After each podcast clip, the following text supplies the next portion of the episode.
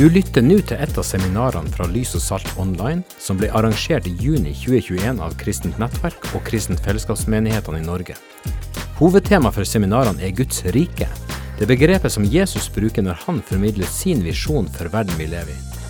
Sjekk ut nettsida vår lysogsalt.no, og følg oss gjerne på Facebook eller Instagram. God fornøyelse. Da Jesus starta sin tjeneste, så var det noe av det første han sa var omvend dere, for Guds rike er kommet nær.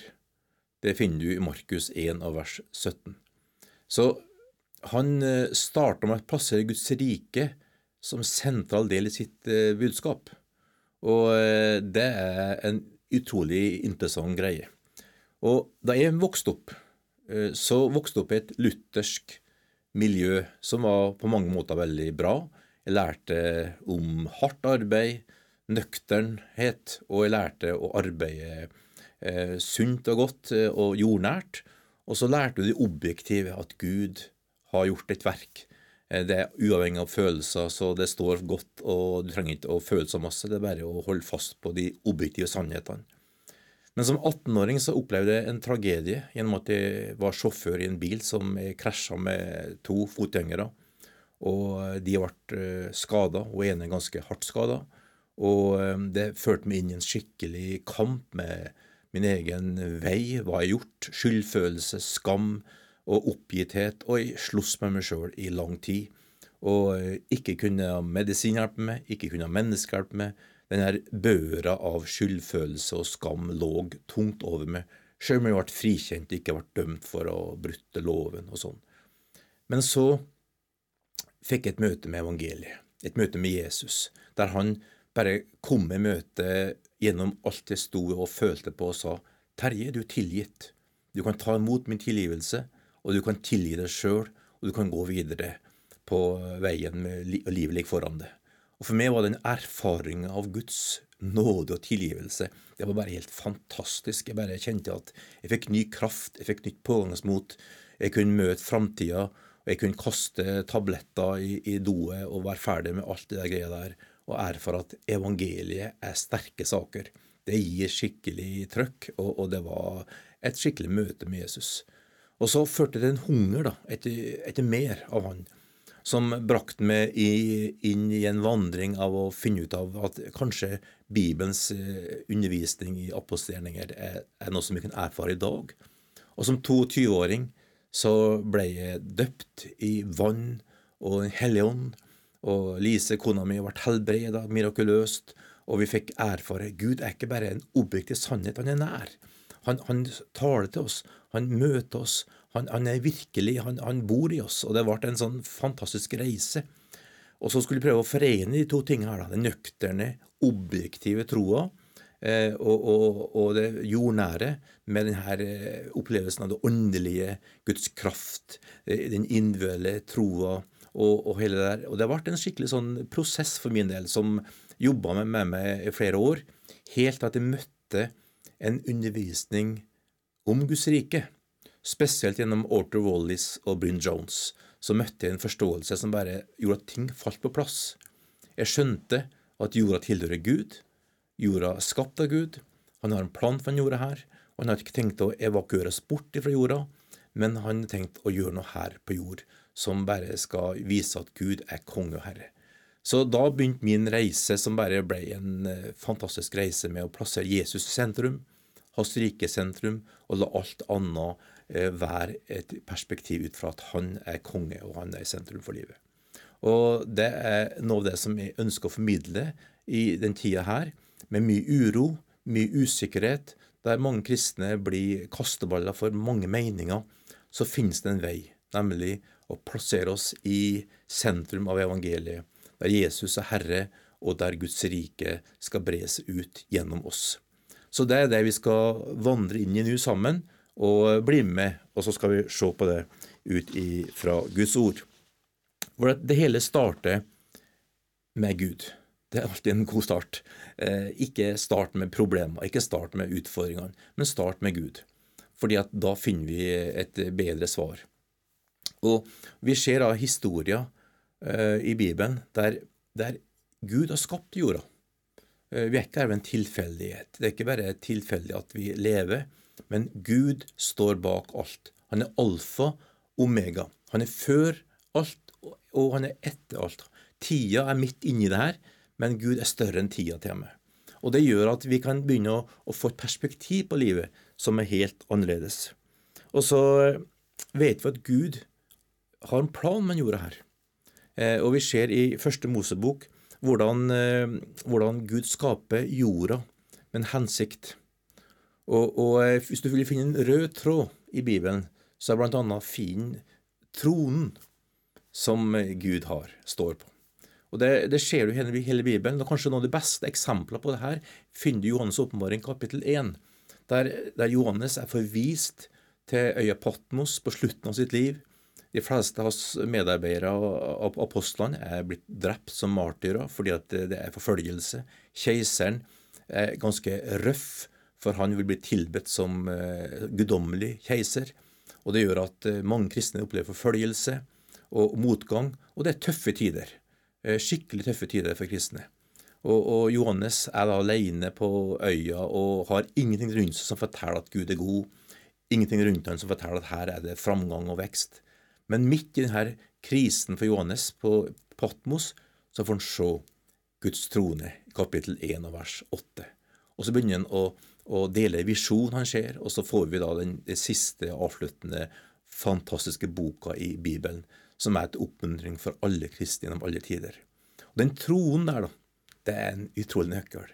For da, da ser du at uansett hva som skjer, uansett hva vi står i, uansett hva vi erfarer i dag, så har Gud en trone, og det tronen representerer seier, det representerer styre, det representerer Guds allmakt, Guds kraft. Det fins noe som er større enn våre opplevelser her og nå, nemlig at Gud er konge og har all makt i himmel og på jord. Og Det der er noe som vi ser i hele Bibelen som en rød tråd. Du kan gå til Salme 9 og vers 8. Der sier David at Herrens trone står til evig tid. Den rokkes aldri, og han styrer og leder med rettferdighet. Og det er en utrolig eh, forankring i livet for oss å ha. Og Hvis vi da går tilbake til skapelsen, så vet vi at Gud skapte himmel og jord, og så skapte han mennesket som det ypperste, for at mennesker skulle få lov til å gjenspeile hvem Gud sjøl var. For Gud ønsker å være her på jorda. Han ønsker å, å, å, at jorda skal gjenspeile hans herlighet og fylle jorda med sin herlighet. Så, så mennesket var skapt med det oppdraget, og mennesket var skapt eh, som et bilde av Gud. Det var et fellesskap, det var glede, det var harmoni. Det var fantastisk. Gud var ikke, Gud var ikke i mangel han når han skapte jorda. Han var ikke sånn at ofte var noe som mangla her. Eh, jeg må ha jord å glede meg over. Nei, Vet I Gud, i treenigheten, var det bare fantastisk. Det var, det var glede, fred, rettferdighet, liv. Det var, det var, alt som trengtes. Men så hadde han så lyst til som kreativ Gud å, å la det her bli noe som flere skulle få del i. Og så skapte han jorda, skapte han mennesket til jorda for å forvalte den, og si det samme som er her, skal skje på jord. Derfor lærte Jesus oss at vi skal be, la ditt rike komme her på jord, slik som himmelen i Matteus 6 vers 10. Og så skaper han da mennesket, og eh, det er et flott skaperverk. Men i en all relasjon så fordrer det at folk velger det frivillig. En, er gjensidighet, en frivillighet. Jeg velger det. Derfor så ble det plassert to trær i hagen. Det ser vi i kapittel 2 og vers 9 i første Mosebok. Og det er faktisk sånn at det ene treet representerte død, og det andre liv. Og Det skulle være enkelt da, å velge, men det var det ikke, tydeligvis. Fordi at eh, Adam og Eva valgte død. De valgte å høre på slangen, forføreren, løgneren, som spilte på deres egoisme, spilte på deres egotripp, på hva vi kan få, plassere oss sjøl i sentrum, og, og, sånn. Og så valgte de å høre på den stemmen, og så ble bildet av Gud forvrengt, og så sa de vi velger kunnskapens tre. Og så kom verden med innerskynd, urett, vold og alt det som egoisme og selviskhet fører med seg, av, av, at livet bare korrumperer og visne. Og, og verden kom inn i det onde. Men Gud ga ikke opp. Gud sa ikke ok, det er over. Gud har en frelsesplan fra evighet av, sier første, eh, første kapittelet i FS-brevet, vers 10. At Gud har en plan for evighet av. Han er konge. Han har en trone. Han blir ikke rocka og, og shaky og, og gir opp. Nei da, han har en plan. Og det er godt å vite i alle tider. Og så tar han og slakter et dyr. Blodet renner, som peker på Jesus. Og så får de beskyttelse og vern, og han vil ta vare på, på dem likevel. Men så må de da møte en verden som ligger onde, med, med vold, med urett, med egoisme, med, med, masse av det som vi erfarer på kroppen sjøl. Og det er Bibelen full av eksempler på, og nøkternt forteller sånn er det. Men det er ikke siste ordet. For Gud har siste ordet. Og midt i det vonde, så, som da skjer, så møter Gud mennesker. Vi kan lese om det i Første Mosebok 12, der Gud møter Abraham. Og Abraham var en mann fra Uri Kaldea som var på vandring sammen med far sin. Så slutta faren å gå, og så tok Abraham over. Og så møter Gud Abraham og sier, 'Du skal bli et stort folk'. Du skal få lov til å være far for et stort folk som kommer. Og eh, du ser Hebreerbrevet kapittel 11, så sier Guds ord at Abraham så Guds by en by full av rettferdighet og sannhet. Og det gjorde at han var, hadde visjon, han så noe mer enn det, det som var rundt seg. Så når, når Lot valgte å gå inn i byen og bli så nært synd at han sjøl prega av det og, og, og, og, ble influert av denne greia som var full av urett og vold og, og utskeielser, så valgte Abraham å bo utafor byen, i telt. Han valgte noe enklere, noe mindre komfortabelt, for han har sett noe annet. Og så berga Abraham Lot. Og så ser vi hvordan Gud hele tida prøver å, å, komme til jord og finne gudfryktige mennesker som, som vil følge han, midt i vanskeligheter og midt i prøvelser. Og så har vi Moses, som, eh, som eh, så uretten i Egypt. Han så hvor, hvor eh, fælt folket hadde det. Og han sjøl prøvde å rydde opp sjøl, og han måtte jo rømme når han da tok skjea i egen hånd og for da til Sinai og, og var gjetergutt der og kanskje ja, mista visjonen for det som kunne skje. Men så møter Gud han i den brennende busken og sier, 'Moses, du står på hellig grunn. Ta av deg skoa. Følg med, jeg skal gripe inn.' Men det betyr at du må gjøre noe, som er et typisk Gud. Han vil gripe inn, men han spør er du villig til å bli med. Er du villig til å bli brukt av meg. Og så vet vi jo hvordan Moses da førte folket ut av Egypt og begynte en vandring med, med, med dem. Og så ser vi hvordan Gud sa 'Jeg vil bo iblant dere'. Jeg vil være her. Jeg vil demonstrere min godhet. Så han bygger da tabernaklet, eh, som du ser i, i fjerde, andre Mosebok 25, der, der eh, hele der tabernaklet skal være en plass der Gud er til stede. Han er ikke langt unna, han er her. Og der skal du få der var Gud til stede for å vise sin kraft og sin makt og sin herlighet midt i sitt folk. Og eh, vi vet jo hvordan det gikk, eh, og, og, hvordan her kampen mellom det gode og onde hele tida herjer i, i, i, mennesket. Og så hopper vi litt fram, så møter vi David, gjetergutten, som eh, var unnselig, som ingen tenkte på når de skulle finne en ny konge, men som Gud ser og så blir valgt ut av Gud gjennom Samuel, og så blir han salvet til konge. Han møter vanskeligheter, han blir mistenkeliggjort, han må rømme. Det er vanskelige ting for han. Det er ikke enkelt å, å, å følge Gud. Men han står i det, midt i det. Han tar ikke sin egen hånd. Han prøver ikke å, å tildra seg trona. Han, han, velger å følge Gud midt i alle fristelser, og så får han kongemakt. Og så ser hvordan David i Salmenes bok hele tida opphøyer Gud som konge og herre og håndterer det her eh, vanskelige han, han lever i. Og, og, og han, han, kjenner Gud. Så noe av det som ligger på Davids hjerte, da, det er at han skal bygge et hus for Gud. For han kjenner Gud, så skjønner han også at Gud vil bo blant sitt folk. Det finner du i første krønikebok kapittel 22, og du finner det i kapittel 28, veldig sånn tydelig. Så det er noe med at når du møter Gud, så skjønner du at Gud vil ikke evakuere oss bort, men han ønsker at vi skal få Hans rike til å komme hit. Han vil bo her. Så, så han, vil, han, vil, da bygge et hus for, for, eh, for, Gud, der Gud kan bo. Men så sier Gud nei, du har vært for full av vold.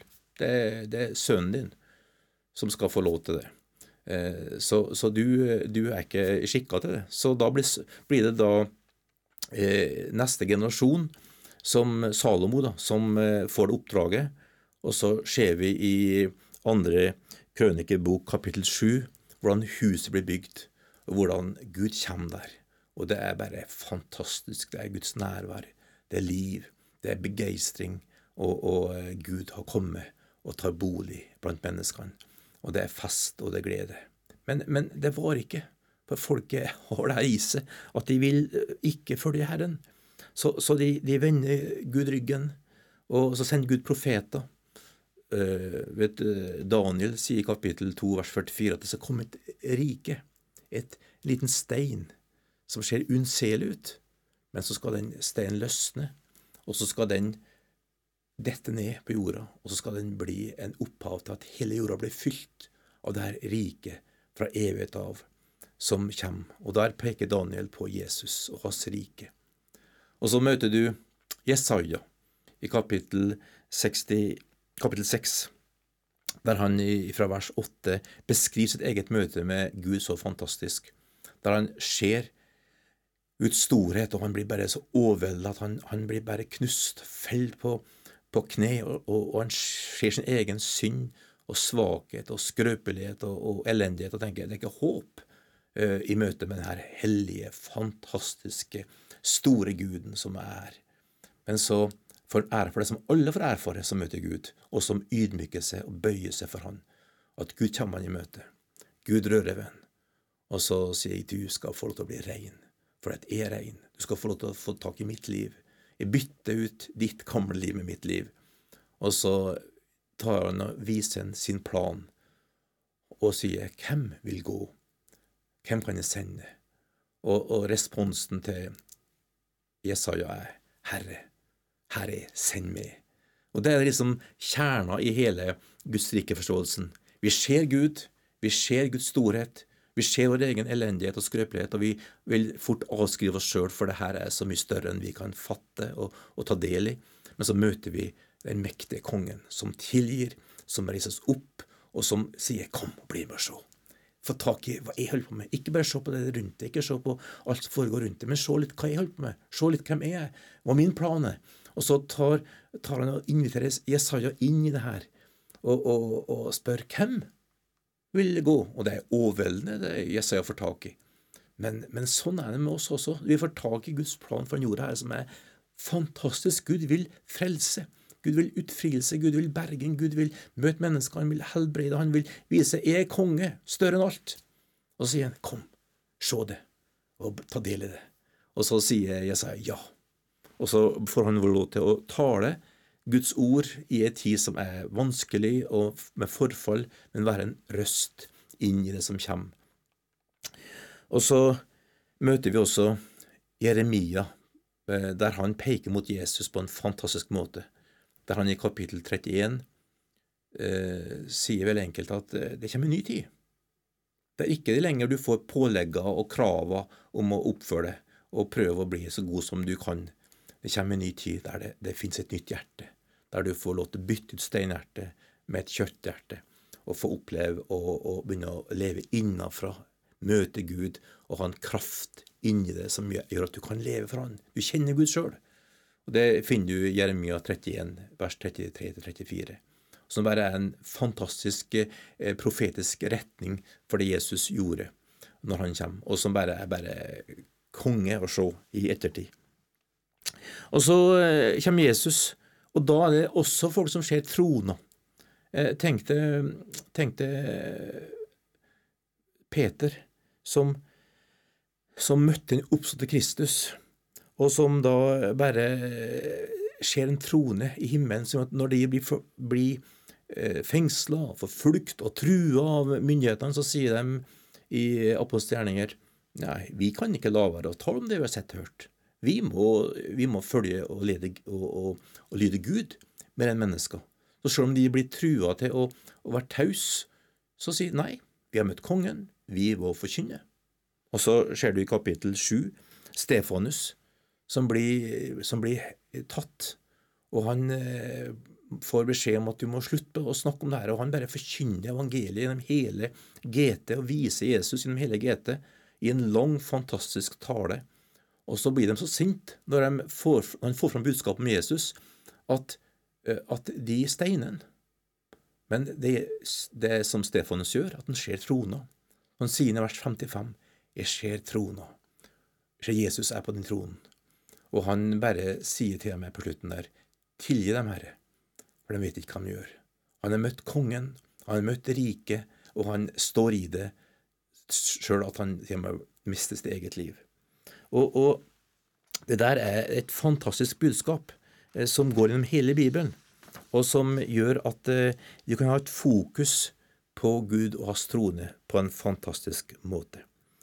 Og Hvis du da sammenligner de siste kapitlene i Johannes åpenbaring med de første kapitlene i Første Mosebok, så ser du at Guds plan, som starter i Første Mosebok, blir fullført i Johans åpenbaring. For det her, er, det her er en utrolig historie, viser Guds genialitet. Han ser at fallet kommer, han ser hvordan ting går feil vei, men han ser også at han skal få berge og skape en forandring. Så det skjer der f.eks. i Johannes' eh, åpenbaring at det blir ny himmel og ny jord eh, i kapittel 21. Og du ser at evigheten kommer inn i bildet. Og du ser at eh, fra å være skapt med en mann og kvinne, så blir det ett nytt menneske, Kristus, som trer fram i Johannes' åpenbaring. Eh, og du ser at eh, den hagen som Gud skapte i første Mosebok, blir til en by som representerer eh, liv, framgang og, og god ledelse i Johannes' åpenbaring. Og så ser du hvordan synda som kom inn i første Mosebok, den blir for alltid borte i Johans åpenbaring. Du ser hvordan smerte, sorg og pine kommer inn i første Mosebok, kapittel 1, 2 og 3, og hvordan det blir for alltid borte. Ingen gråt, ingen smerte noe mer i kapittel 21 og vers 4 i Johans åpenbaring. Så du, du, finner hele det her med livets tre som kommer tilbake i kapittel 22 vers 2. Og du finner livets elv i kapittel 22 vers 1, som, som er Du ser bare korrespondansen her, da. Så mellom eh, Johannes' åpenbaring på slutten der og første Mosebok som er starten, så ser du hvordan Guds rike utspiller seg. Og det vi da vet, det er at Guds rike kommer til å seire. Vi vet at det rike Jesus kom med, det er større enn alt. Og det går gjennom utfordringer og går gjennom prøvelser, men det kommer ikke til å tape seg. Det kommer bare til å lykkes, for at Gud har kontroll. Og vi har lest det i boka, Bibelen. Vi vet at det kommer til å gå sånn. Så hvis du kan få tak i Guds rikes forståelsen, så kan du stå i den tida du er i akkurat nå, og vite det kan være vanskelig, det kan være krevende, det kan være mange valg vi må ta, men vi tilhører ikke denne verden. Vi kommer fra et annet perspektiv. Vi kommer fra himmelen. Vi kommer sendt av Jesus, og han har en god plan, og han kommer til å fullføre den fordi at vi har sett siste delen av Jons oppmaring, der vi ser at all sorg, all smerte, all, all det vonde er tatt hånd om, og vi får lov til å leve sammen med Han i all evighet, i en tidløs tilværelse, bare full av glede og fred og lovprisning. Og det er verdt å slåss for, jobbe for, og velkommen til den reisen sammen med oss på den turen.